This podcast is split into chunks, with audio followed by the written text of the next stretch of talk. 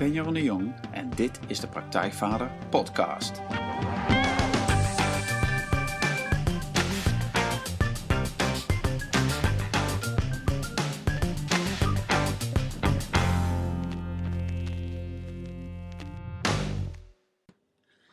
Oké, welkom bij de gloednieuwe uh, podcast van de Praktijkvader. En voor deze allereerste opname uh, ben ik naar Duitsland gegaan, naar het uh, prachtige dorpje Bimmen, net over de grens bij Nijmegen. En daar ben ik in het huis, of in dit geval in de kelder, in de speelkelder van Jeroen Schaapveld. Hey Jeroen. Dat klopt, hi. Hi. ja, en Jeroen um, ken ik en dat is, uh, dat is, een, dat is wel een, mooi verhaal. Jeroen ken ik omdat hij uh, ergens in 2011 uh, bij ons thuis kwam om een ja. draagdoek te kopen. voor een van zijn um, wereldreizen, of een van zijn Azië-reizen. Um, want mijn vrouw maakte die en Jeroen kocht die doek. En sindsdien um, ben ik wel gefascineerd geweest door Jeroen. Want wat is Jeroen gaan doen? Die is gaan doen waar veel mannen, vrouwen, gezinnen van dromen, is met kinderen met kleine kinderen gewoon weggaan uit Nederland en op reis gaan naar, uh, ja, naar Azië in dit geval, maar ook voor lange tijd. Want Jeroen die maakte drie Azië-reizen. In 2008 ging hij samen met, um, met zijn vrouw Linda en kinderen Dien en Jana uh, voor zes maanden naar Azië. En dat deed hij uh, in een sabbatical, terwijl hij bij, um, bij Achmea werkte. En um, dat beviel zo goed dat toen hij na zes maanden terugkwam en weer aan het werk ging, um, dat toch achterkwam dat dat het niet helemaal was. Uh, in 2011 ging hij nog een keer. En voor een jaar ging hij naar Azië, naar Thailand, Laos, Vietnam, Cambodja, Maleisië. En uh, nou ja, maakte daar ook van alles mee. Daar gaan we het later over hebben. Um, kwam weer terug um, en ging weer aan het werk. Maar ja, dat was het toch niet helemaal.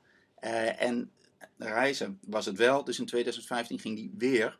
Um, uh, voor acht maanden dit keer. Hij is net terug um, weer naar Azië geweest. Myanmar, Sumatra, Maleisië en Thailand. Echt een prachtige reis. Ik heb de foto's gezien. Uh, het ziet er super uit.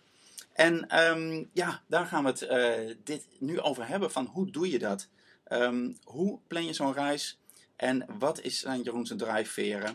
En ja, gaan we mee beginnen. Leuk, Jeroen. Ja, en nou ja, ik heb even opgenoemd kort uh, van, van wat, jij, uh, wat je gedaan met je reizen. Um, maar voor, ja, hoe zou jij jezelf omschrijven? Van, mensen kennen jou niet. Als jij jezelf nou in zo kort zou omschrijven, wat zou je dan zeggen? Um, ik geniet van het leven in ieder geval. Dat is wat ik heel graag doe.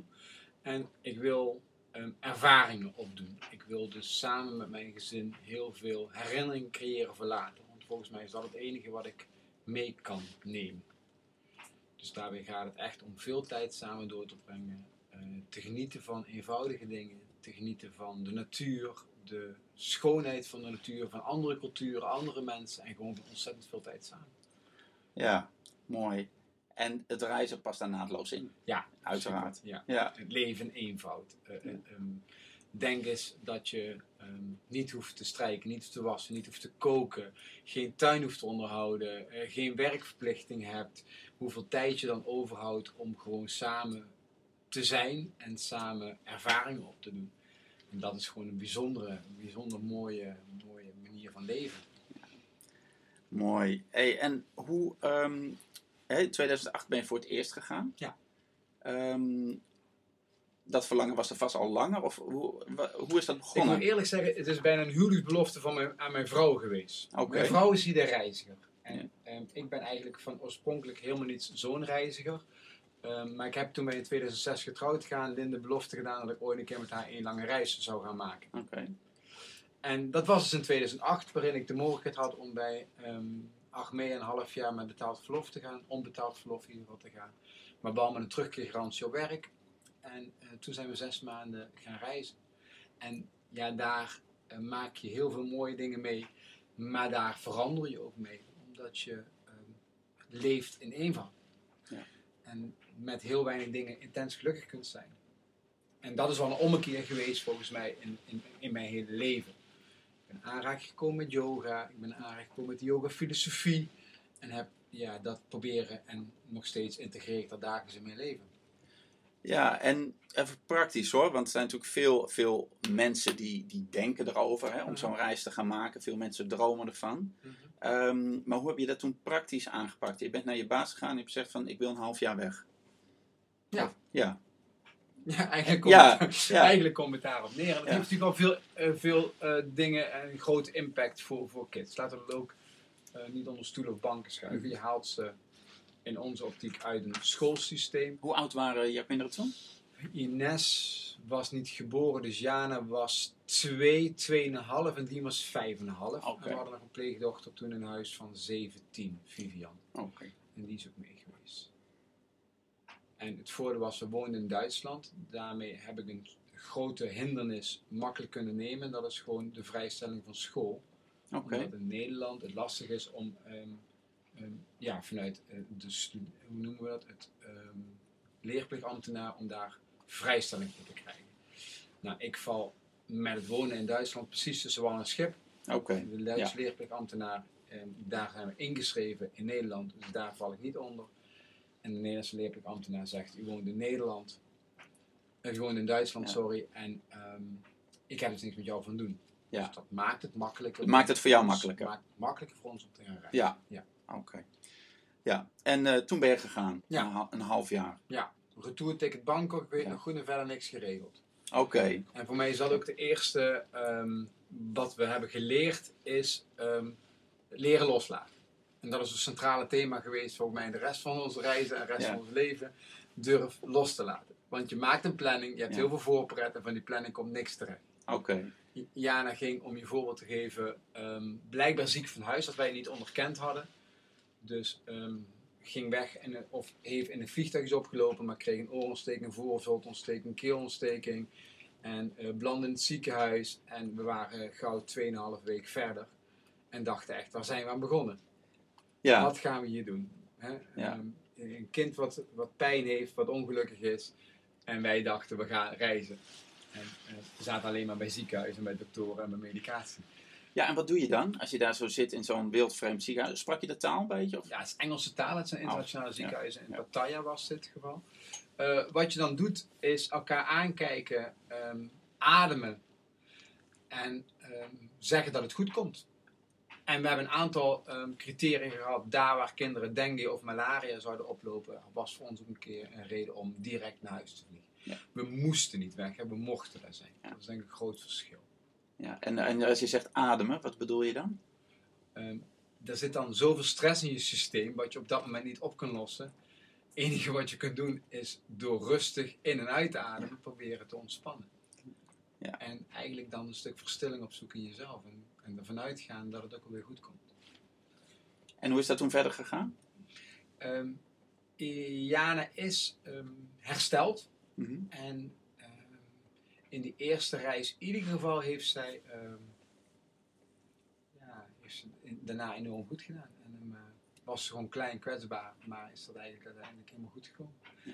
En heeft ze ja, genoten, weet je, wij hebben genoten, genoten. Er zijn natuurlijk verschillende fases in het leven waar ze toen zat. Zij was toen heel klein.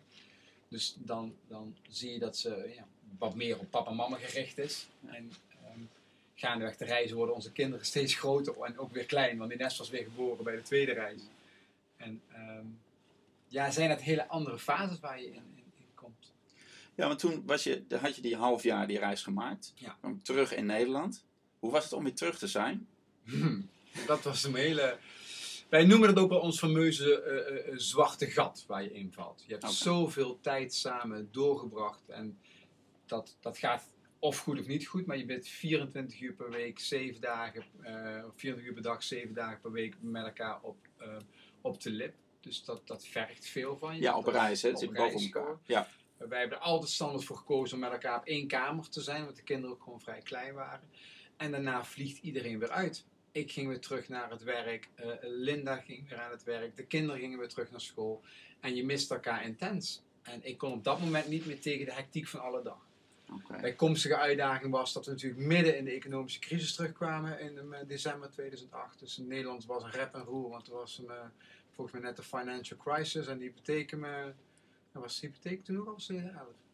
Maar goed, in ieder geval, eh, ik was mijn baan kwijt, ik was mijn directeur kwijt, eh, mijn manager kwijt. Ik had alleen een contract. Ja. En verder was alles nieuw en ehm, eh, was ik heel erg veranderd. En de omgeving om me heen veranderde. En dat leidde uiteindelijk tot een mismatch. Waardoor ik ook na, ja, na een vijf, zestal maanden besloten heb om hier niet langer in goed overleg eh, te blijven werken. En wat was het grootste, als je zegt mismatch, wat was het grootste waar het botste of niet meer matchte? Tussen jou en je werk waar je daarvoor eh, wel eh, prima kon functioneren? Ehm, dat ik inzag dat ik een aantal dingen heel belangrijk maakte. Een leaseauto, een pak, sigaren, rode wijn. ehm, dus heel veel buitenkant. En dat ik, zeker toen ik ook in aanraking kwam met yoga, ehm, het allemaal veel puurder ervaarde. En dus veel meer kon genieten van de kleine dingen. De stilte, de natuur, het samen zijn.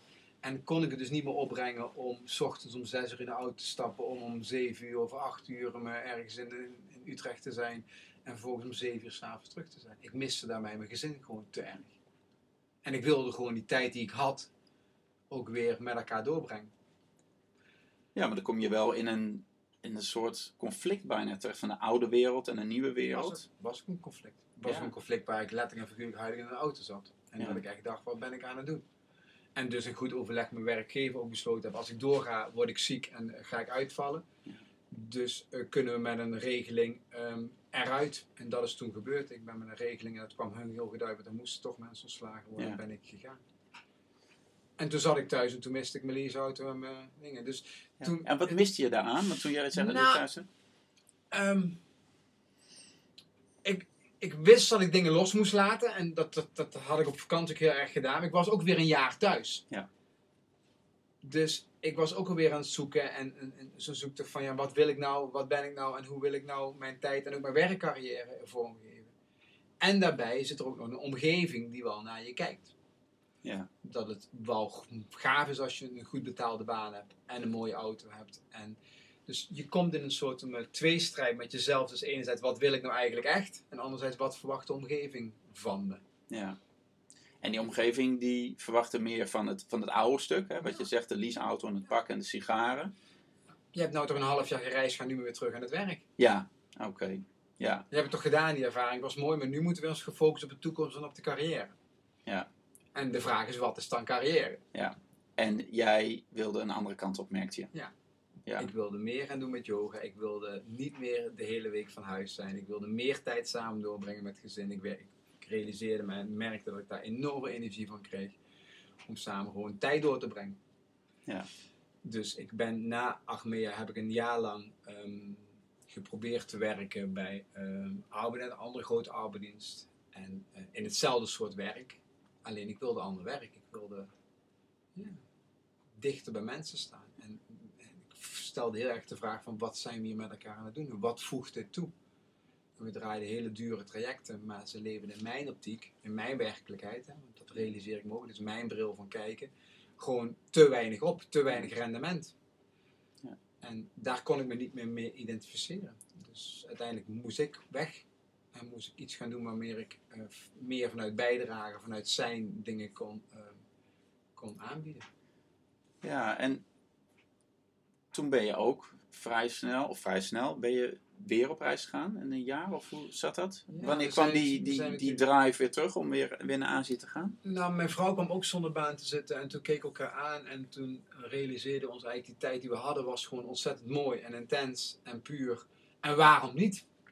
En niemand kon antwoord geven op de vraag waarom niet. We hadden de financiële middelen, ehm, ehm, we waren bij elkaar we, wilden, en we hadden onszelf wel de vraag gesteld, omdat we zo missen, zouden we daar kunnen wonen? En dat was eigenlijk de zoektocht van de tweede reis. Misschien gaan we al voor langere tijd weg en misschien settelen we ons daar wel ergens. Dus dat was ook het doel. En we hadden ook wel een doel dat we, ehm, ja, dat we wat duurzame herinneringen voor de kinderen wilden opbrengen. In het begin was Jana natuurlijk 2,5 en Ja. van die reis herinnerde zich niks meer. En Ines was nu 16 maanden. Nou, we wisten dat die zich ook niks ging herinneren, maar Jana zou zich misschien wel wat meer kunnen herinneren. Ja, en, en toen ben je een jaar gegaan. Ja. Was dat van tevoren ook de planning? Ja, we hebben wel gepland, we gaan een jaar. We hadden een ticket geboekt voor een, een jaar, voor zover je dat kon boeken. Maar we hadden in ieder geval gezegd, we gaan een jaar reizen. Ja. Ook weer met geen doel. Ja. We hadden een soort planning gemaakt en daar is hem, eh, die hebben we ook wel los moeten laten. Hey, en wat was het verschil tussen die eerste keer en die tweede keer? Was daar een verschil voor jou? Hoe je dat ervaard hebt of Ik beleefd? voelde dat een soort thuiskomen. Dat was echt wel bijzonder. Ik weet dat ik het vliegtuig uitstapte en ik dacht van, hé, wauw, ik ben thuis. En was het anders? Ehm, nee. Je merkt dat we waren natuurlijk... ehm, Vivian was er niet bij de tweede reis. En Ines was er wel weer bij. Ines was nog een stuk jonger. We hebben daar gezien dat Jana in de hele reis veel last van heimwee heeft gehad op dat moment. Want Dat hoe oud was zij. Jana was toen vijf en een half. Oké. Had een enorm mooie zielenlijn met opa en oma. En die miste ze ook enorm. miste opa en oma, Ja, die miste ja. opa en oma enorm. Ja. Heeft daardoor minder van de reis kunnen genieten. Oké. Ehm, maar ja, ja, was het eigenlijk, het eigenlijk het voornaamste doel. We gaan kijken of we ergens kunnen, kunnen zijn. Kunnen wonen, yogales kunnen geven. Ik had ondertussen opleiding gedaan tot yogadocent. Dus je bent daar ook les gaan geven? Ik heb op de meest mooie plekken de aardeles mogen geven. Ja, ik zal het nooit vergeten. Dat neemt niemand meer van me af. Dus je was eigenlijk aan het werken in je vakantie? Nou, ik heb drie keer heb ik ge- gewerkt. En het is wel leuk om te zien dat ik in Koh Phangan had ik mijn eigen yogastudiootje geopend. En waar is Kopenhagen nou? Phangan, Thailand. Oké, ja. En daar heb ik zes weken lang een yogastudiootje gerund op een platform van een verlaten restaurant. En ik gaf daar één yogales per dag en ik kon mijn gezin onderhouden. Wauw. Dat kun je in Nederland volgens mij niet zeggen. Ik verdiende 30 euro per dag. En ik betaalde 6 euro voor mijn slaapplek.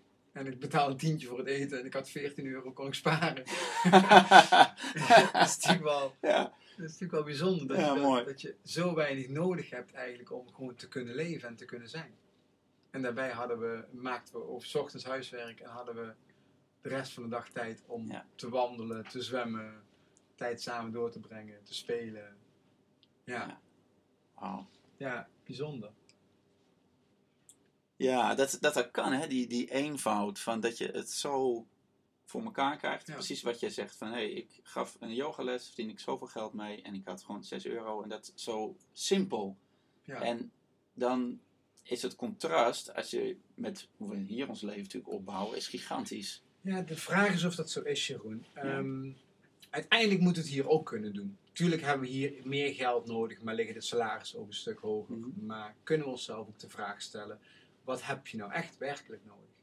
En dat is de vraag die we ons volgens mij na onze reis van 2011 enorm zijn gaan stellen. Ja. Hoeveel heb je nou nodig om daadwerkelijk te kunnen leven? En we hebben daar ook fundamentele keuzes toen in gemaakt. De vraag: moeten kinderen allemaal nieuw speelgoed hebben? Ja. Nee. Dus we zijn veel meer gaan kopen via Marktplaats. Ja. De vraag: moeten kinderen allemaal nieuwe kleren hebben? Nee. Moet jij allemaal nieuwe kleren hebben? Nee. Dus wat heb je nou echt nodig? En wij realiseerden ons dat tijd, tijd samen, buiten, natuur, ehm, gewoon zo mooi was. En dat in onze optiek kost dat niks. Weet je? Of je nou in Nijmegen op het terrasje gaat zitten en wat gaat drinken en eh 30 euro af moet rekenen met vijf man. Of je neemt een pak drinken mee en broodjes mee en je gaat ergens in de natuur Ja. zitten. En dat is wat we heel graag doen. Ja. Dus een aantal elementen die in mijn optiek bijdragen aan geluk, kun je hier iedere dag uitpakken. Daar hoef je niet voor op reis te gaan. Dat is de, de grootste uitdaging wat we hier hebben volgens mij. Ja. Dus want dat is de manier waarop je nu je leven inricht eigenlijk. Probeer Ja. in te richten. Probeer. Ja, en wat kom je daarin tegen als je zegt proberen? Nou, je hebt gewoon hier te maken met, ehm, met allerlei meningen en allerlei waarheden.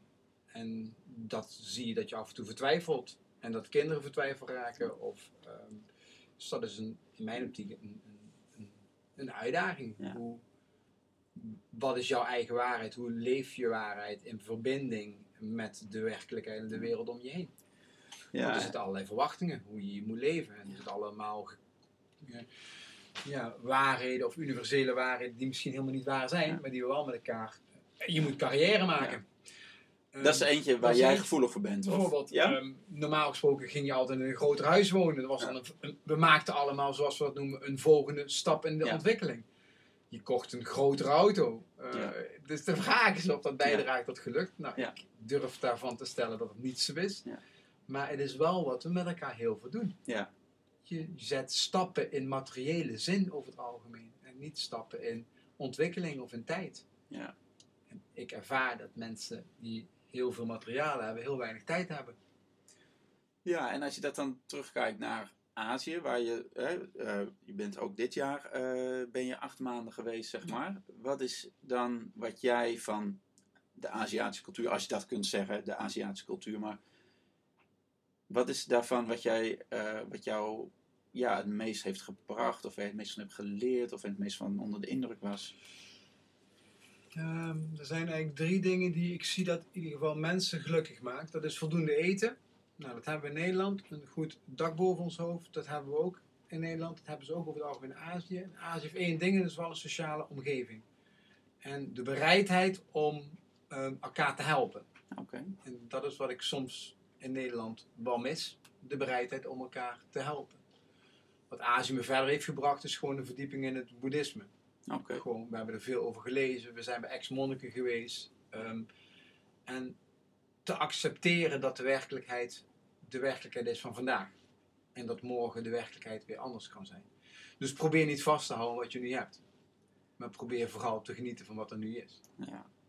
En in de wetenschap dat het misschien morgen anders is. Ja. En dat geeft heel veel lucht en heel veel ruimte. En ik denk dat dat wel het mooie is van de Aziatische cultuur. Dat mensen, zeker bijvoorbeeld toen wij een maand lang in Myanmar zitten, wat toch wel echt een heftig land is, dat ik nog steeds zag dat mensen een glimlach op hun gezicht hadden. Ja. En dat ehm, ze elkaar hadden en steun hadden van elkaar. En, en daadwerkelijk morgen het weer beter was. Een enorm vertrouwen in dat het weer goed kwam. Ja. Nou, dat zal heel mooi als je kijkt naar het hier en nu en met onze vluchtelingenproblematiek een heel mooi uitgangspunt zijn. Ja. De werkelijkheid verandert, de wereld verandert en daarin hebben wij gewoon te acteren. Ja. En ik zou zeggen, kies dan de het acteren van liefde en niet vanuit een haat of angst. Ja. Ja, en je zegt, hè, je zei van, dat is mooi dat dat, dat, dat zelfs in zo'n land als Myanmar, dat je dat daar ziet, Mhm. dat je dat oppikt. Ja. En, ehm, en, maar hoe pik je kinderen dat op? Want ik snap dat jij daar een bepaalde manier naar kijkt en dat voelt en een bepaald bewustzijn, maar hoe pik je je kinderen dat op? Want die lopen daar ook rond, die zien dat ook. Jullie hebben het er veel over, Het mooie van kinderen is dat ehm, als we ergens praten over mindfulness, want dat is een heel erg hot thema is in Nederland, Ja. kinderen zijn mindful. Zeker als we naar onze jonge kinderen kijken. Ik zeg altijd, het is mijn grootste leerschool. Je kinderen. De kinderen. Ja. Als je gewoon kijkt hoe kinderen reageren, zijn zij heel flexibel. En kinderen zijn in staat om heel veel veranderingen heel snel te kunnen eh, accepteren. En wij zijn altijd daarin volgens mij de belemmerende Ja. factor, de ouders. Van kan niet, mag niet, kijk uit, pas op, doe het niet, voorzichtig. Ehm, nee, kinderen zijn goed in staat om te voelen ehm, of het klopt. En als je daar maar hun vertrouwen in geeft, zie je ook dat er weinig gebeurt. Ja. En dat vind ik mooi om eh, aan kinderen te zien. Zoals een voorbeeld wat ik eh, eh, wel vaak vertelde. We zaten in een vliegtuig, we missen het vliegtuig. En Ines van vijf zei, als we maar met z'n vijven blijven, lukt ons alles. En ik denk, dat klopt ook. Het universele geloof is, als we bij elkaar zijn, lukt het.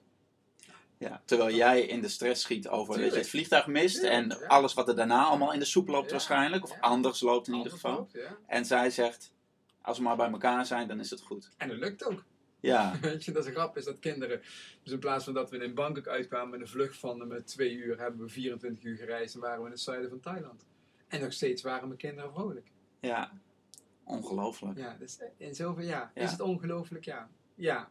Maar aan de andere kant, nu ik het eh 2,5 jaar heel van intens dichtbij mee kan maken, weet ik ook dat het zo is. Ja, Dat kinderen echt in, in- ja, in staat zijn om heel veel veranderingen heel flexibel op te nemen. Zie maar als ze thuiskomen. Ze hebben hun vriendjes acht maanden lang niet gezien. En ze komen thuis en zeggen gaan we spelen.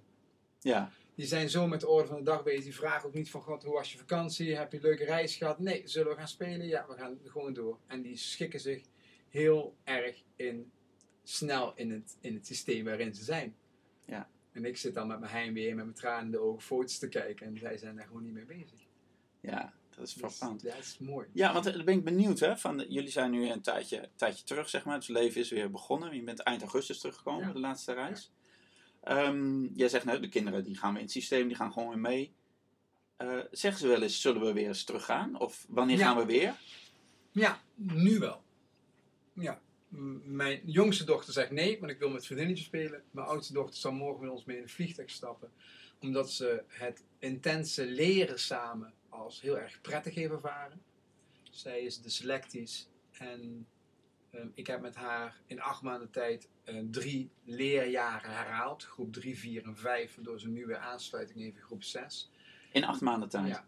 Oké. Dus je kunt enorm intens eh, met een kind één op één leren. Ja. Ehm, en dat missen ze gewoon. Want nu doen we nog dagelijks een half uur huiswerk. Dat zijn ze ook gewend, dat, dat weten ze ook.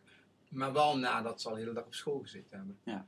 En Dien heeft de middelbare school enorm geromantiseerd. Daar was ik echt toe vanuit groep 8 om naar de middelbare school te gaan. Die zit dit jaar voor het Hij eerst. is dit jaar voor ja. het eerst gegaan. En ziet daar ook wel de relativiteit van in. Waarin hij nu om 7 uur op moet staan, om 8 uur op zijn fiets zit, om vervolgens weer om 4 of 5 uur thuis te zijn. Hij Ja. maakt lange dagen. Ja. En mist erin ook wel een- het gevoel van vrijheid en het gevoel van samen zijn. Ja. Ja. Dus dat is ook goed om te ervaren dat je soms ehm, moet je iets ehm, weer ervaren om dan het andere weer te waarderen. ja. Dus dat is prima. Ik zeg niet dat we nooit meer gaan, maar het wordt wel een steeds grotere uitdaging om te gaan. En waar zit die uitdaging voor jou in? Dienst zit wel op de middelbare school. En ik geloof dat um, middelbare school met echte vakdocenten, en niks ten nadele van de basisschool, maar basisschool kan ik nog redelijk goed leren. Daar kan ik Daar kun je zelf iets in bieden. kun je Ja. zelf nog wel geven. Ja. Ik durf echt niet te garanderen dat ik, nee, ik durf te zeggen dat ik niet de vakken biologie, scheikunde, aardrijkskunde, Engels, Frans op dezelfde manier kan geven als dat een docent Nee. kan. Nee, dat zou ik ze echt tekort doen. Ja, oké. En Maar dat vind je wel belangrijk. Ja, dat is de vraag. Ja, oké. die- die- Ja. ja, dat vinden we heel belangrijk. We zijn een stel tegengekomen in Princeton Island. Die reist daar 11 jaar met hun kinderen. En zij waren ehm, ook 8 en 11 jaar oud, dus allebei geboren op reis. Ja. Eh, heel intens mee opgetrokken. Ehm, we kinderen waren vier talen vaardig: Frans, Spaans, Engels en Duits. Ehm, de taal liepen ze heel erg voor en op andere vakken liepen ze heel erg achter. En toen had ik daar een redelijk groot oordeel over dat jij de keuze en de opleiding van je kinderen zo wel bepaalt. De vraag is of de kinderen hier in de baan van 9 tot 5 eh, zoveel gelukkiger zijn. Dat, Ja. dat durf ik niet zo zeker te stellen. Nee. Het feit is wel dat wij onze kinderen eh, opvoeden en, eh, om een baan te hebben waarin je om 9 uur begint en ongeveer om 5 uur eindigt. En waarin je een heel groot gedeelte van je leven werkzaam doorbrengt. Ja, dat is interessant dat je dat zegt. Omdat je zelf een andere stap aan het maken bent. Hè? Je zat zelf in die 9 tot 5 wereld. Ik ook. Hè? Ja. Dus, dus wij, daarin vinden we elkaar ook. Ehm, wij komen, hè, ik ben voor mezelf begonnen. Jij bent op reis gegaan. Jij eh, bent ook aan het kijken van Ja, wat, je, wat wat, je... Ja. Dus dan ben ik benieuwd naar of, jij het, hè, of je het echt zo belangrijk vindt dat, jouw zo, eh, dat je kinderen ehm, worden opgeleid tot het hebben van zo'n baan. Ik wil in ieder geval, Jeroen, dat ze een keuzemogelijkheid hebben. En dat ze een keuzemogelijkheid hebben om later, ehm, als ze groot zijn, zelf te bepalen wat ze willen. Want misschien past een ehm, kantoorbaan dien wel heel goed. Ik Ja. betwijfel het, maar het zal kunnen. Dus die optie wil ik ze geven. Kies ik ervoor om ze ehm, reizend door het leven te gaan, hier alles achter me te laten. dan bepaal ik ook wel voor een heel groot gedeelte hun toekomst. En we zijn, Ja. daar, gewoon, we zijn daar gewoon niet uit. Nee. Ik durf niet te zeggen dat iets goeds of fout is. We kiezen nu voor deze manier. En dat is Ja. een weg. Ja. Dus ze toch naar school te brengen, toch een basisopleiding te geven. En dan kunnen ze uiteindelijk, en dat verwacht ik ook wel, dat ze wel uit zullen vliegen naar het buitenland. Ja, maar dat zie je dan wel, Ja. zeg maar, op het moment Ja. dat zij zelf die keus kunnen maken. Dien weet waar hij kan kitesurfen, waar hij kan eh, duiken, eh, waar hij kan mm, eh, rots klimmen. Eh, Daar hebben we heel veel mooie mensen gezien die daar ook een boterham mee konden verdienen. Ja. En ik durf te zeggen dat die echt niet minder gelukkig waren dan de gemiddelde Nederlander op een kantoor. Nee, precies. hey, en ehm, nou, dat is een prachtig verhaal. Ik denk heel inspirerend, ook voor al die mensen die denken van, oh, ik zou dat nog een keer willen doen. Ehm, eh, en die horen nu allemaal verhalen. en Denken van, oh ja, zes maanden, een jaar, acht maanden. Ehm, voor al die mensen die daarover nadenken. Hè, of Ja. die wel zo'n verlangen hebben, maar eh, denken van, oh, het kan niet. Want Ja. mijn baan, of mijn baas, of gaat nooit lukken. Of mijn omgeving, en hoe moet dat dan? Kun jij een paar dingen zeggen voor al die mensen? Wat praktische dingen. Wat je, ja, als je nou dat op orde hebt, of als je het zo doet, ehm, begin daarmee over na te denken. Want die vraag krijg je natuurlijk vaker. Ja. Ehm, vraag 1 is: is het een droom die je gezamenlijk hebt? Dat is de belangrijkste vraag die je moet stellen. Zijn wij samen, willen wij samen als partners zo'n lange reis maken? Of is het een droom van één? Ja. Ehm, terwijl ik dat zeg, realiseer ik me dat het ook meer een droom van Linda was dan van mij was. Maar ehm, ik denk wel dat het goed is om na te gaan, ben je bereid om op één kamer te slapen, 24 uur per dag bij elkaar te zitten? Want dat is gewoon de grootste uitdaging. Ja. Als je denkt dat je op reis gaat en eigen tijd hebt, wat mensen vaak hebben op een camping, hè, dat ze het fijn vinden dat de kinderen spelen zijn en ik mijn boek kan lezen, dan moet je niet zo lange reis maken. Als je tijd wil doorbrengen met je gezin, 24 hours, eh, hè, 7 dagen in de week, dan is het heel leuk. Ook waar wij voor gekozen hebben, om onze kinderen wel in een structuur scholing te geven. Omdat wij, zoals gezegd, scholing wel belangrijk Ja. vinden. Dus je moet ook school willen geven. Dat kost anderhalf, twee uur per dag. Dat is makkelijk inkoopbaar. eh zijn goede pakketten. Maar je moet er wel de discipline voor hebben om daar de dag mee te starten. Ja. Ehm, En lukte Je- dat een beetje? Daar ben ik wel benieuwd Ja. van. eh, ik heb dan zo'n beeld, hè, je zit daar aan zo'n strand en eh, je drinkt een kop koffie en je ontbijt en, of thee, weet ik veel. En dan denk je, oh heerlijk, ik ga gewoon een beetje zwemmen. Ik heb vandaag, eh, Ja. ja. Ja. je, je, je krijgt daar ook een structuur in, Jeroen. Oké. En eh, ook ehm, reizen wordt normaal. Daar waar nu heel, hè, als je langere tijd reist, is dat gewoon de werkelijkheid waarin je dan leeft. En heb je dus een, een, een- ook weer een bepaalde dagstructuur. Wij stonden op 's ochtends wanneer de kinderen wakker werden. Dat vind ik een enorm groot voordeel van reizen. Ik moet nu dagelijks mijn kinderen wakker maken om naar school en ze beginnen al vermoeid aan de dag. Ja. Nee, wij begonnen de dag wanneer iedereen wakker werd. Nou, en ehm best dat dus je ritme. En vervolgens begonnen we met huiswerk maken, een uur, anderhalf uur. Gewoon standaard 's ochtends.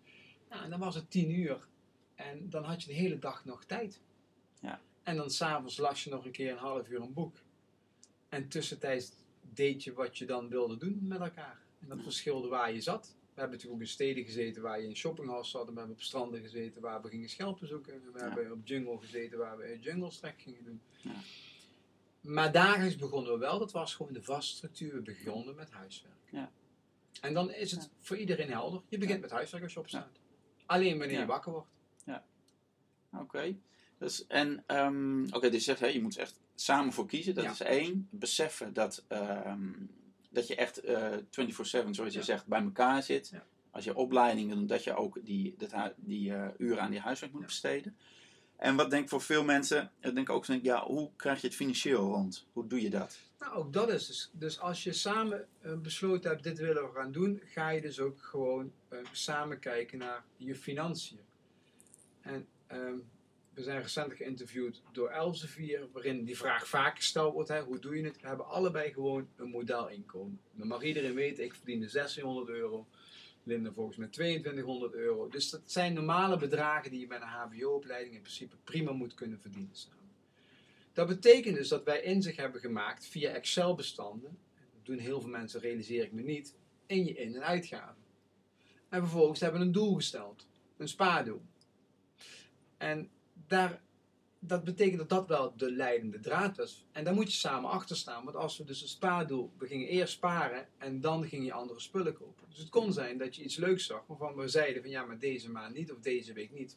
Want ehm, dit is de droom die we samen hebben. Ja, is dit de droom? Ja, dit is de droom die we samen hebben. Oké, dan doen we dit dus niet.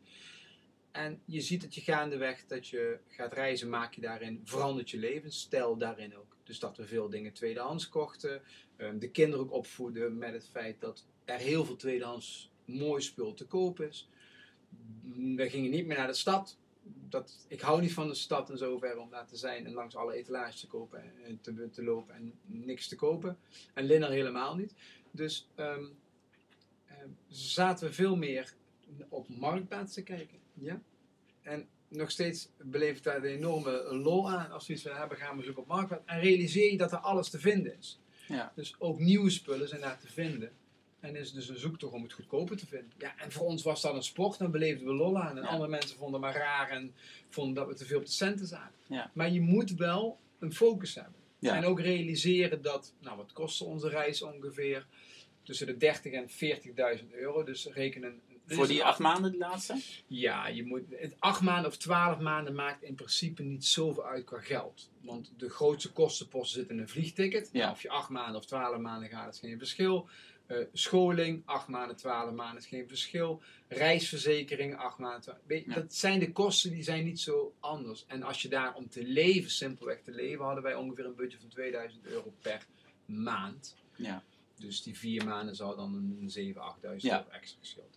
Ja. Maar zit je ook langer op een plek. Ja. Dus en toen we een jaar waren, hebben we ook zes weken lang, wat ik je net vertelde, in Kopenhagen gezeten. En heb ik geld verdiend in plaats van geld uitgegeven.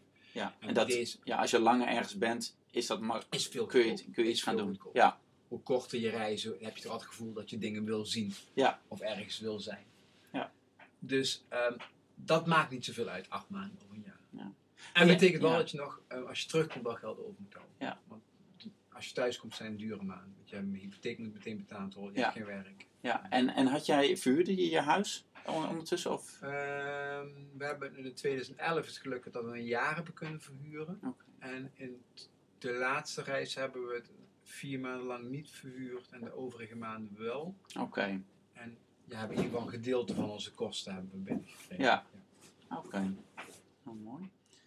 Hey, en eh, nou ja, dus dat is, dat is te doen. Eh, qua ook, ook financiën is echt zo'n spaardoel. Dat voor heel veel dingen. Als je iets wil, gewoon focussen en, en je inkomsten en je uitgaven ja. op peil hebben. Dat sowieso, vind ik, ehm, voor alles. Vind ik, vind ik het ontzettend goed als je gewoon weet wat er binnenkomt. Ja. En ook weet wat eruit gaat. Ja, dat net zo verhaal dat.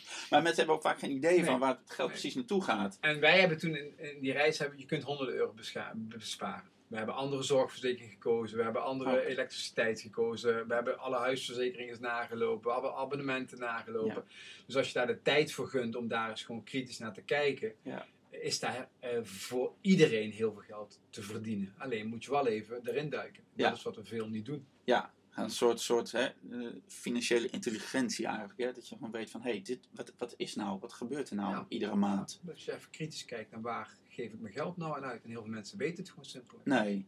Dus ik zal het iedereen gunnen om dat wel gewoon in kaart te brengen. Ja, en jij, hoe ben je dat gaan doen? Met de Excel-bestand? Ik doe dit al sinds 2009. Ik heb Ja. sinds 2009 heb ik al ehm, ehm, eigenlijk alle inkomsten en uitgaven ehm, in beeld. Ja, En het grappige om te zien is dat ik, hoe meer je verdient, hoe meer uitgaven je hebt. En hoe minder verdient, hoe minder uitgaven je hebt. Dus er zit eigenlijk een soort balans zit daarin.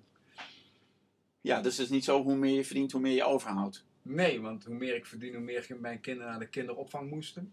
Oké, ja. Toen de tijd bijvoorbeeld. Ja. En hoe duurder je telefoonrekeningen waren. En eh, hoe meer geld je uitgaf aan dingen die niet belangrijk waren. Ja. En hoe minder geld je hebt, hoe bewust je daarvan wordt. Ja. Ja, mooi.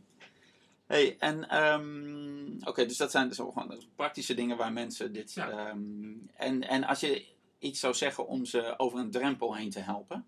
Zeg van, eh, van dit weten ze niet, zijn praktische dingen kunnen ze gaan doen. Dan denk ik, ja, mm, ik vind het toch spannend, ik durf niet zo goed. Of, eh, ik weet Het is ook spannend, weet je. Ja. Ehm, de eerste keer is zeker spannend. We hebben daar twee boeken over geschreven. Het eerste boek is uit, het tweede boek komt nu uit. Volop geniet in Azië.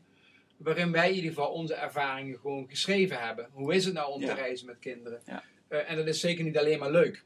Weet je, het is zeker niet alleen maar. ehm, ehm, ook, ook wij hebben soms stress gehad. Of ehm, hè, wat ik al zei, met ziekte van kinderen ben je echt wel, wel gestrest.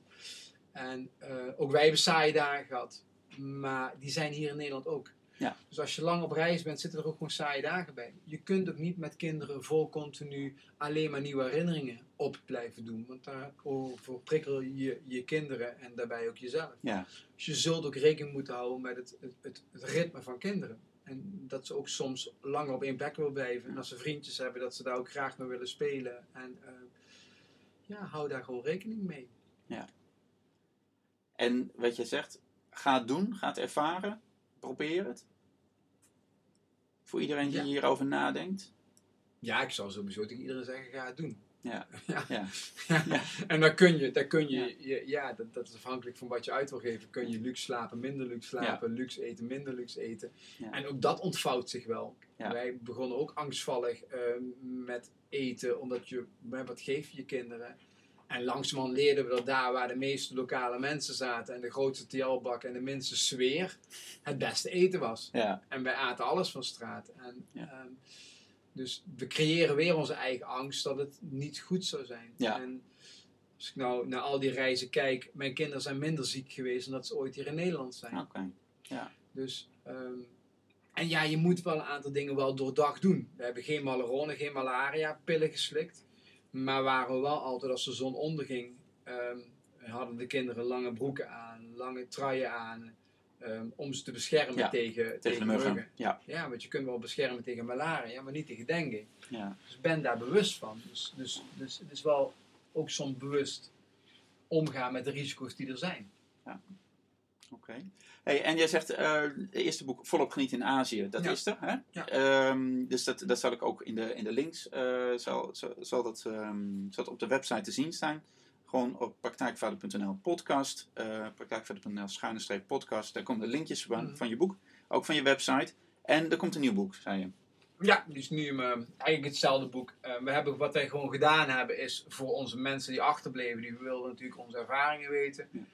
En dat hebben we gewoon gedeeld. Datgene wat ons bezig hield. Ja. Soms waren het reisverslagen, soms was het een verdieping in het boeddhisme, soms waren het verslagen van heimwee. Ehm, dus het, het is gewoon, ehm, als je geïnteresseerd bent, hoe is het nou om te reizen met kinderen, Ja.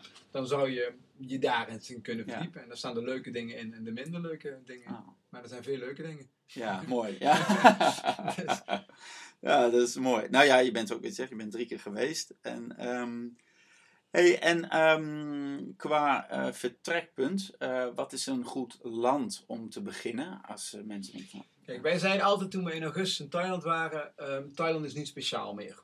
Want er reizen enorm veel kinderen en gezinnen in Thailand. mhm, Heel veel Nederlandse gezinnen. Ja. Je kunt er bijna Nederlands praten, en soms heb ik gevoel dat ik op een Franse camping zat. Ehm, ik zou het wel alleen doen. We zijn groepsreizen tegengekomen van Joser. Met alle respect, je betaalt 12.000 euro voor drie weken. Je zit in een enorme sneltreinvaart. En, ehm, ik van hoogtepunt naar hoogtepunt, toch? ja, Ja. maar ehm, wat ik je al beschreef, daar waar je kind ziek wordt, omdat hij iets verkeerd gegeten heeft of niet tegen de hitte kan, gaat het sneltreinvaart wel door. Ja, En wordt het een hele stressvolle vakantie voor menig ouder. Ja. Omdat je kind ziek is en je eigenlijk wil verstillen, maar de bus gaat door en je moet Ja. verder en je maakt er eigenlijk niks van mee. Ja. En het zijn landen waar je enorm makkelijk zelf kunt reizen. Oké. Busvervoer is goed, ze spreken Engels, ehm, je kunt de Lonely Planet plakken, er is altijd voldoende Ja. accommodatie. Ehm, nee, we hebben eigenlijk aan onze hele reizen, al onze reizen, hebben wij nooit iets van tevoren geboekt. Zijn we altijd op de plek aangekomen. Hadden we een ritueel dat Linda met de kinderen wat ging drinken in een restaurant. Ik ging rondlopen op zoek naar een kamer. En daar waar ik die gevonden had, nam ik het hele gezin mee en zei van, wat vinden jullie ervan? Nou, Ja. en eigenlijk bijna altijd was het wel oké. omdat Ja. kinderen accepteren datgene wat er was. ja. Mooi. Dus eh, het is niet één specifiek land waarvan je zegt, daar moet je beginnen. Of, eh, nee, Thailand is het makkelijkste, maar Maleisië is, me, eh, ik zeg altijd, het Frankrijk van Azië. en in wat, wat voor opzicht? Ehm, heel goed begaanbare wegen, luxe vervoer, ehm, goede hotels, eigenlijk gewoon westers. Ja. Westerse invloeden. Ja. Shoppinghalls, bioscopen, noem maar op wat je. Ja, en van daaruit kun je dan zelf je eigen, hè, zoals jullie hebben gedaan, je eigen reis bepalen, je eigen En eigenlijk alle hoogtepunten die er zijn, daar zijn wij geweest. Dus die staan ook ergens wel beschreven. Ja. Hey, en, en als je nou kijkt naar je eigen ontwikkeling als, als vader, ehm, hoe heeft, heb je het al iets over verteld, maar specifiek over je vaderschap, heeft het, het reizen, maar ook de ontwikkeling die je doormaakt met je werk, de keuzes die je maakt, heeft het iets gedaan in, jouw eh, in jouw vaderschap? Ehm, ja, vast. Kijk, je zou het eigenlijk aan mijn kinderen moeten vragen hoe ze mij ervaren als vader zijn. Ik weet in ieder geval dat ik heel veel rust heb, heel veel tijd heb en bewust ervoor kies om heel veel tijd samen met ze door te brengen. Ik speel dus veel met ze. Ik speel veel naast ze. Eh, ben veel met ze buiten en creëer wel samen een spel. En ik ben dol op kinderen. Dus ehm, ja, is dat, ik denk dat dat mijn belangrijkste taak is nu in, eh, in mijn leven. Mijn vaderschap, mijn ouderschap. Naast kinderen staan om ze mee te nemen op school, mee te nemen naar de middelbare school. Samen dingen te ondernemen, avonturen te gaan opzoeken. En ik zie dat hier heel veel kinderen heel graag willen spelen. Dus ergens zou ik het wel, eh, wel goed. Dat Ja, en dat spelen van jou, dat, hè, dat, dat vind je belangrijk. Hoe, ziet dat eruit? Wat doe je dan? Want ik kan me voorstellen van, eh, als ik naar mezelf kijk, van, ik hou ook van spelen, maar er zijn sommige dingen Eh, daar heb ik ook eens iets over geschreven. Van dat, dat, eh, van, van met die, dat Roos dan vooral, mijn jongste, die kwam met poppetjes en dan gaan hele verhaaltjes naspelen. En zegt, papa, doe je mee? En ik van, ik ben na één minuut wel klaar met die poppetjes.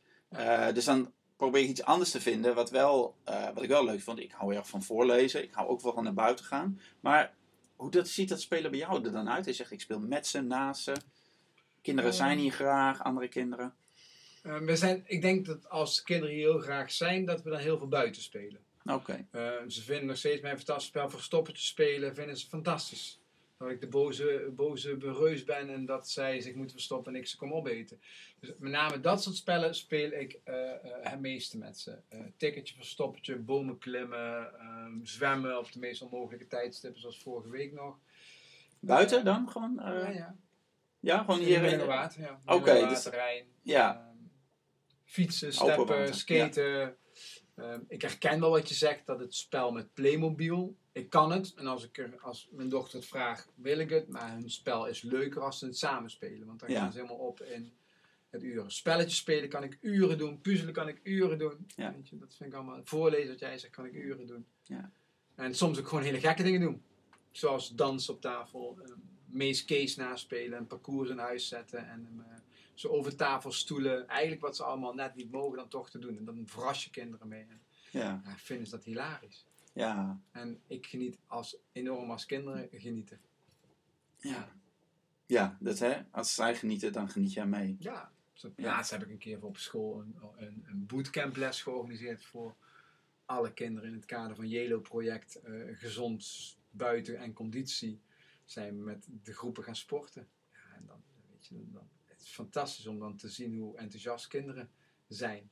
Ja, En- van in actie komen, buiten zijn. Bewegen. Ja, bewegen. Spelen, echt Ja. spelen. Dus kinderen vinden het feest om hier naartoe te komen en samen met mij de Millingenwaard in te gaan. En leuk is dat ouders dan zeggen, ik heb ze vast oude kleren meegegeven. Nou, dan ben ik, ben ik trots, dan ben ik blij. Want zo sta jij bekend. Ja, Als, als je bij Jeroen komt als je spelen, moet je maar oude moet je kleren. oude kleren meenemen. De kans dat we naar buiten gaan en gaan rommelen in de natuur is heel groot. Dat is, eh, dat is mooi. Als je, als je, Ja. die, eh, ja, als je die status hebt. Ja, En ik geloof ook echt dat een aantal dingen bijdragen aan geluk. En, en ik heb ze, ben ze beschrijven aan het beschrijven van derde boek en vraag me niet wanneer die uitkomt, en dat weet ik niet. Maar ooit komt hij er. Dat een aantal elementen je, die ik ervaren heb op reis, waar ik intens gelukkig van word, je hier net zo goed kan doen. Dat is onder andere, eh, zoek af en toe de stilte op in jezelf. Om in contact te komen met, je, met, met jezelf. En wat wil ik nou eigenlijk echt? Ehm, ga de natuur in. Ervaar hoe, hoe ruim de natuur is en hoeveel inspiratie je in de natuur kunt krijgen. Ehm, ben gewoon dankbaar, iedere dag weer dat je er bent. Begroet mensen op straat. Ik verbaas me, irriteer me.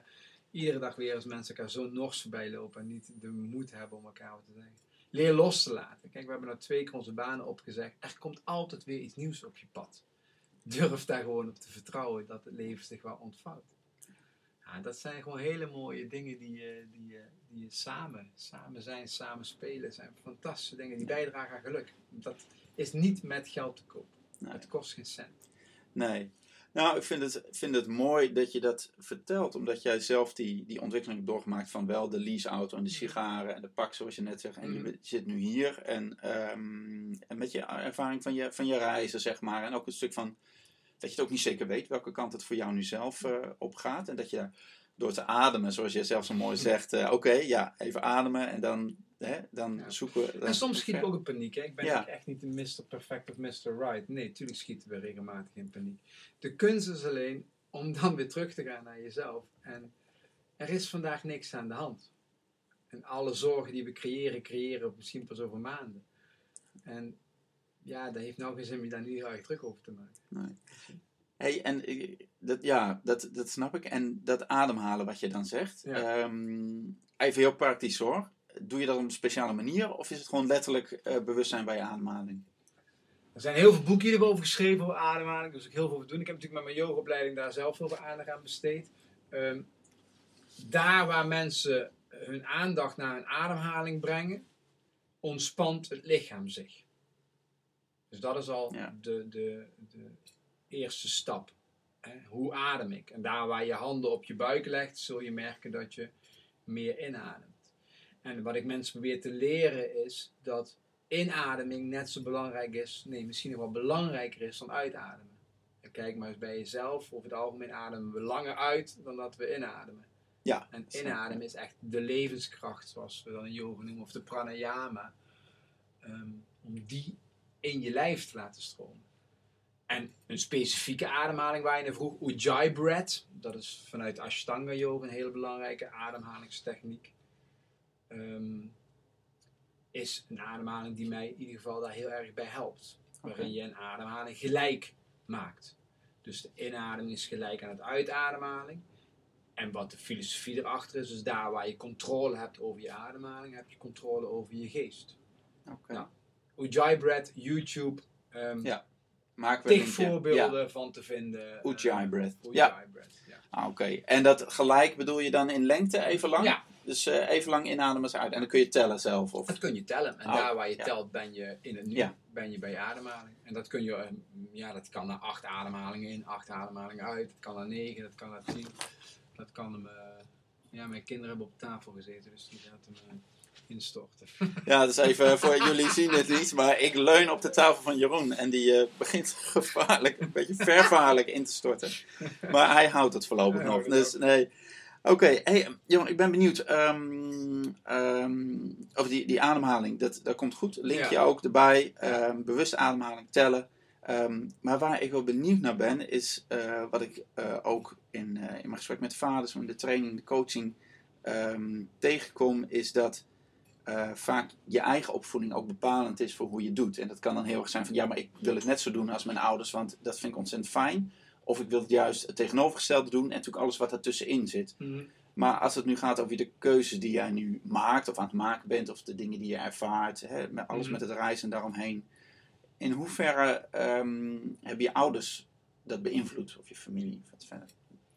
Kijk, als ik naar mijn ouders kijk, dan zou het woord liefde daarin ehm, centraal staan. Dus ik heb een hele veilige jeugd gehad met eh, heel weinig stressmomenten. En eh, zijn mijn ouders nog steeds liefdevol bij elkaar. Dus daar in de basis zit dat helemaal goed. Als je aan mijn vader zou vragen, ben je het eens met de keuze die Jeroen in 2008 is gaan maken? Dan zou hij diep in zijn hart zeggen nee, maar wel trots zijn op. Oké, mooi. Ehm, ja.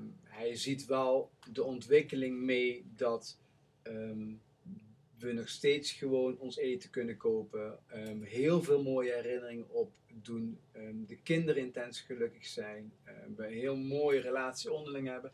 En ja, er is een mindere carrière. Maar ja, dan is wel de definitiekwestie. Wat is carrière? Ja. Er wordt minder geld verdiend. Ja, dat is ook Ja, true. dat is, dat is, dat Ja, is rijden helder. oudere auto's. Ja, dat is ook waar. En ehm, ja, is dat waar je dan trots op moet zijn? Ehm, nee. Hij maakt zich zorgen over mijn pensioen. Maar ja, dat kun jij misschien ook wel. Ja, Weet je? ja, Dus, Ja. dus wie dan leeft, wie dan zorgen. En ik zeg altijd maar, ik heb een plek in Thailand waar ik volgens mij voor 5 euro per dag kost een inwoning Kijk. heb. Dus een keer 30 dagen moet ik 150 euro per maand hebben om te kunnen leven. ja, dat is ook een Dat mooie we- pensioensvoorziening. Dat gaan we vinden. joh. Ja, dat is, dat is mooi. Dus er is wel vertrouwen hebben in het feit dat, dat het leven zich wel ontvangt. ja. En hoe, ik weet het nu niet. Maar Nee. ik heb er wel alle vertrouwen in dat er weer leuke dingen op het pad komen. En dat zie ik ook gewoon. Ja. Ik zit nou met jou hier. Weet Ja. je? Het zijn cadeautjes. Ja, dat is, dat is ook mooi. Ja, dat is ook eh, ja, het is, ja, het is mooi om te zien. Maar ik vind het ook mooi om wat jij zegt over je vader. Ik denk dat het voor veel mensen herkenbaar is. Van als je op een gegeven moment zo'n andere keuze maakt dan, dan op een gegeven moment je uitkomt. En hè, misschien willen we diep in ons hart allemaal een soort erkenning. Of dat onze ouders staan te applaudisseren bij alles wat we doen.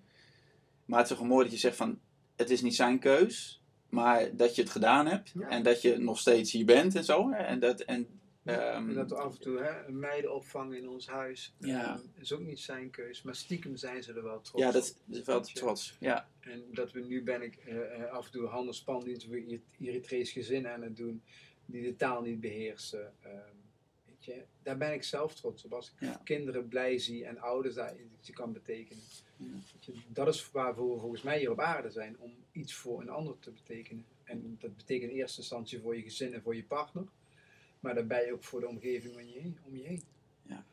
En ik denk dat heel veel vaders worstelen met de factor tijd. ja absoluut. En, Ja. ehm, en zie ik gewoon hoe snel de ontwikkeling van kinderen gaat. Ja.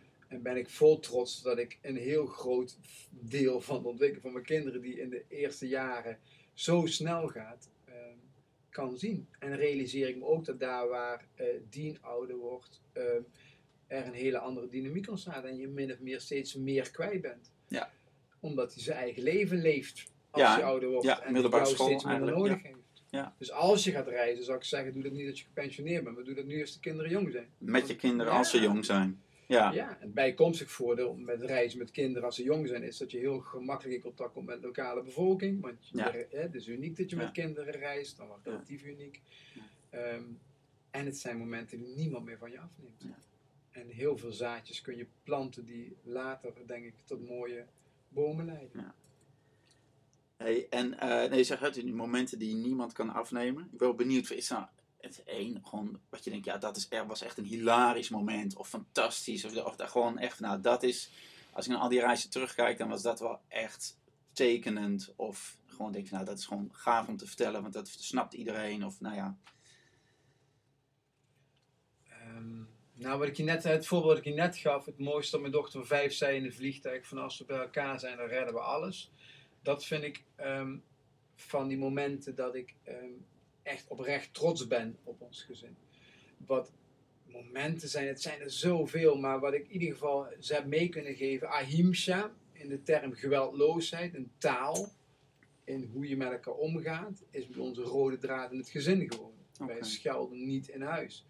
Wij proberen, hè, wij slaan elkaar niet, we schoppen elkaar niet. ehm, en kinderen zeggen nu al adem in, adem uit tegen elkaar. En dat werkt ook met de En kinderen. dat werkt, dat werkt Oké. absoluut. En daarna heb ik zoveel mooie plekken mogen zien op aarde. Of het nu gaat over een hilarische boottocht, waarin we ehm, een kanentocht die we maken op Kootouw. En de eerste keer gaat dat hartstikke goed. En op Janus verjaardag willen we nog een keer een kano. We zien dat de wind aansterkt, maar we willen wel een speciale dag maken. En onze kano valt om. Dus we liggen midden op zee met een, eh, met een kamer die omgeslagen is. En dan zie ik dat mijn kinderen niet in paniek schieten. Terwijl er alle reden is om even in paniek te schieten. Want je ligt met elkaar op de zee met een omgeslagen kano. Ja. En je ziet ook daar waar we dus rustig blijven met elkaar. We ook allemaal heel makkelijker in die kano komen. Daarna gaan we al meteen terug Ja, naar huis. omdat het dan toch niet helemaal verantwoord was. Maar op dat moment zie je dat er geen paniek is. En ja, ik heb ze zoveel mooie natuur mogen laten zien. Weet je, of ik nou in de Tamanegara een tweedaagse trekking heb gemaakt. Ehm, maar, ook, we hebben gekite's, of gekite's, we hebben ge- geraft, we hebben ge- eh, met olifanten mooie dingen gedaan. We zijn op zoek bij de orang-oetangs geweest. We hebben geslapen in de jungle. Eh, we hebben haaien gezien. We hebben walvissen gezien. We hebben dolfijnen gezien. Ja, dat neemt niemand ze meer af. En mij helemaal niet. Want ik heb mijn kinderen zien glunderen op de boot en zien meezingen met allerlei liedjes. Dat maakt het reizen fantastisch. Ja, nou, ik kan me niet voorstellen dat er iemand is die nu luistert die niet zoiets heeft van: hé, hey, ik eh, ga het ook doen. Ik ga ook op reis. Want het is, eh, ja, je vertelt er fantastisch over, inspirerend en ook, nou, ook echt. Dat vind ik Mhm. mooi van hè, dat je zegt: het is niet elke dag is, is fantastisch, zeg maar. Er, zit, hè, er wordt iemand ziek of iemand heeft Ja. een baaldag, er moet huiswerk gemaakt worden. En, maar het is echt. Ja. En het is wat mooi, het is niet wat mijn, hè, van mijn blik, het is niet een vakantie. Het is niet drie weken vakantie. Het is gewoon, je leeft echt Je bent ergens aan. ja. Je bent Je daar. bent daar. Ja. En nog zo'n mooi trots verhaal is dat Jana heeft besloten om op basis van dingen die ze zag zelf vegetariër te worden. Weet je? Dat hebben wij niet gezegd dat ze dat moest doen. Dat heeft ze zelf besloten. ja, En toen zij besloot, zei onze kleine smurf van Ines van ja, dan wil ik ook geen vlees meer eten. En toen dacht ik vanuit mijn yogaopleiding, hey, eigenlijk moeten we dat ook maar niet doen. Dus wij zijn ook vegetariër geworden. Oké, door, door Door- Jana. eigenlijk door Jana. Ja, En Dien heeft, en dat is ook wel mooi om te zien, die heeft vanuit het boeddhisme is het aannemen van eten belangrijker dan het vegetarisch zijn. Dus toen Boeddha of de monniken langs de, de huizen liepen om hun eten op te halen, was het krijgen van eten belangrijker dan ehm, zeggen dat je vegetariër was. Want dat is verdiend, de. Daar waar hij bij opa en oma is, Oh. krijgt hij vlees. oké, ja. Maar hier Ja. eet hij niet meer. Ja. Dus heeft wel zijn escape om, om vanuit ja, hele mooie filosofie te zeggen van nou, dus dankbaar zijn voor het feit dat ik niet vlees krijg. Ja. dat vind ik gaaf dat je Ja. dat kinderen mee kan geven. Ja, het is wel gaaf hoe ze dat dan alles hebben van zo'n zo'n gigantische reis of verschillende reizen, wat zij meenemen, zeg Ja. maar, en wat ze weer hier daarvan Ja. ehm, neerzetten. En dus het één klein maatje aan. En ik weet niet hoe dat uit gaat pakken. Ze zijn ook redelijk wereldwijs. Dus zie je die ook soms worstelen op school. Dat ze zegt, pap, ik heb schooltaal en ik heb thuistaal.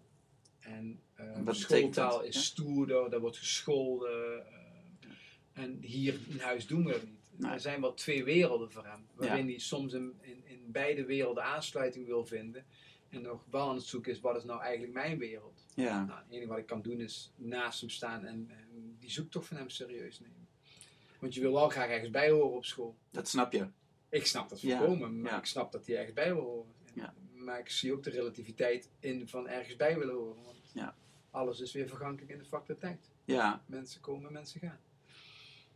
ja en, en ja, wat zeg je, ik kan daarbij staan, zeg maar. Hoe ziet, dat, hoe ziet het er dan uit voor als je, hè, dat is best een lastig moment. Ik bedoel, hij is, hij is 13, is het een, een brugklas, zeg maar. Nou, zolang hij er bij mij op school kan kruipen, ehm, ik een arm om me heen kan go- gooien, hij er bij mij uit kan huilen met het feit dat hij dat lastig vindt, dan denk ik dat we voldoende veiligheid bieden om het erover te hebben wanneer hij het erover wil hebben. Ja. Ik denk dat we meer ook niet moeten verwachten, maar hij kan zijn verhaal nog kwijt. Ja. Ja. En ik help hem heel erg veel met het huiswerk maken, omdat ik wil dat hij gewoon een goede start heeft. Ja. Dus we zijn s'avonds vaak bezig om met z'n tweeën huiswerk te maken. Ja. En daarna weer te ontspannen met een potje tafelvoetbal. Ja, want dat is ook belangrijk, want dan komt de speler weer Ja, terug. super. Ja. Ja. Ze hebben laatst een spannende film gekeken met, met vijf kinderen. En daarna hebben we vijf minuten één liedje heel gek gedaan. Op tafels gedanst, op stoelen gesprongen. Om even de spanning kwijt te raken. En daarna is het ook oké. Mooi, mooi. hey, Jeroen, we gaan, we gaan afronden. Het is een fantastisch gesprek. Eh, we kunnen nog uren doorpraten. Eh, dat gaan we ook wel doen, maar dat doen we dan samen. Maar ehm, ja, dankjewel hiervoor. Ehm, als je nou, je hebt dan hoop gezegd hoor, en dat komt allemaal terug. Maar als je nou één ding tegen al die vaders eh, zou, zou kunnen zeggen, al die vaders die nu gewoon het proberen te, te regelen met hun werk, met hun kinderen, met hun partner. En in die, die tijddruk die er is, Ja. zeg maar. Ehm, en niet allemaal goed proberen te doen natuurlijk. Hè, op Ja. een manier van, en, ehm, en misschien niet iedereen die gaat een jaar naar Azië. Dat weten we allemaal. Hoeft ook niet, hè, dat zeg je ook. Hoeft ook niet. Maar los van dat reizen, wat zou je tegen ze willen zeggen? Creëer samen ervaringen. Dat is eigenlijk het enige wat je mee kunt nemen voor later. Volgens mij is dat het meest belangrijke. Dus, en daarvoor heb je tijd nodig. Ja. Dus vind een balans tussen werk en privé. Waarin je de tijd hebt om samen vanuit de rust ehm, ervaring op te doen en tijd samen door te brengen. Denk, dat zou ik iedereen gunnen. Ja. Gewoon de rust hebt dat je in een bos loopt zonder dat je denkt, oh, ik moet dit nog, ik moet dit nog, ik moet dit nog. Want dat is het lastige. Dat je echt met aandacht in het nu bij de kids kan zijn en kan spelen. Fantastisch. Ja, helemaal mee eens. Ik kan niet anders zeggen. Het is, ehm, dus, mannen, eh, ga dat doen. Ga naar buiten, ga op pad. Creëer herinneringen, creëer ervaringen. En ehm, Jeroen, hartstikke bedankt voor het interview. Jij ook Echt super. Ehm, ja, als je ehm, op de website www.praktijkvader.nl podcast vind je eh, de links, eh, de links naar de boek van Jeroen, dus volop genieten in Azië. Eh, zijn website met prachtige foto's natuurlijk allemaal.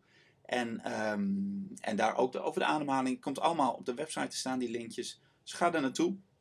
En je kunt natuurlijk ook op die website kun je abonneren op de podcast, zodat je iedere week zo'n nieuw, eh, inspirerend, interessant, boeiend interview thuis krijgt.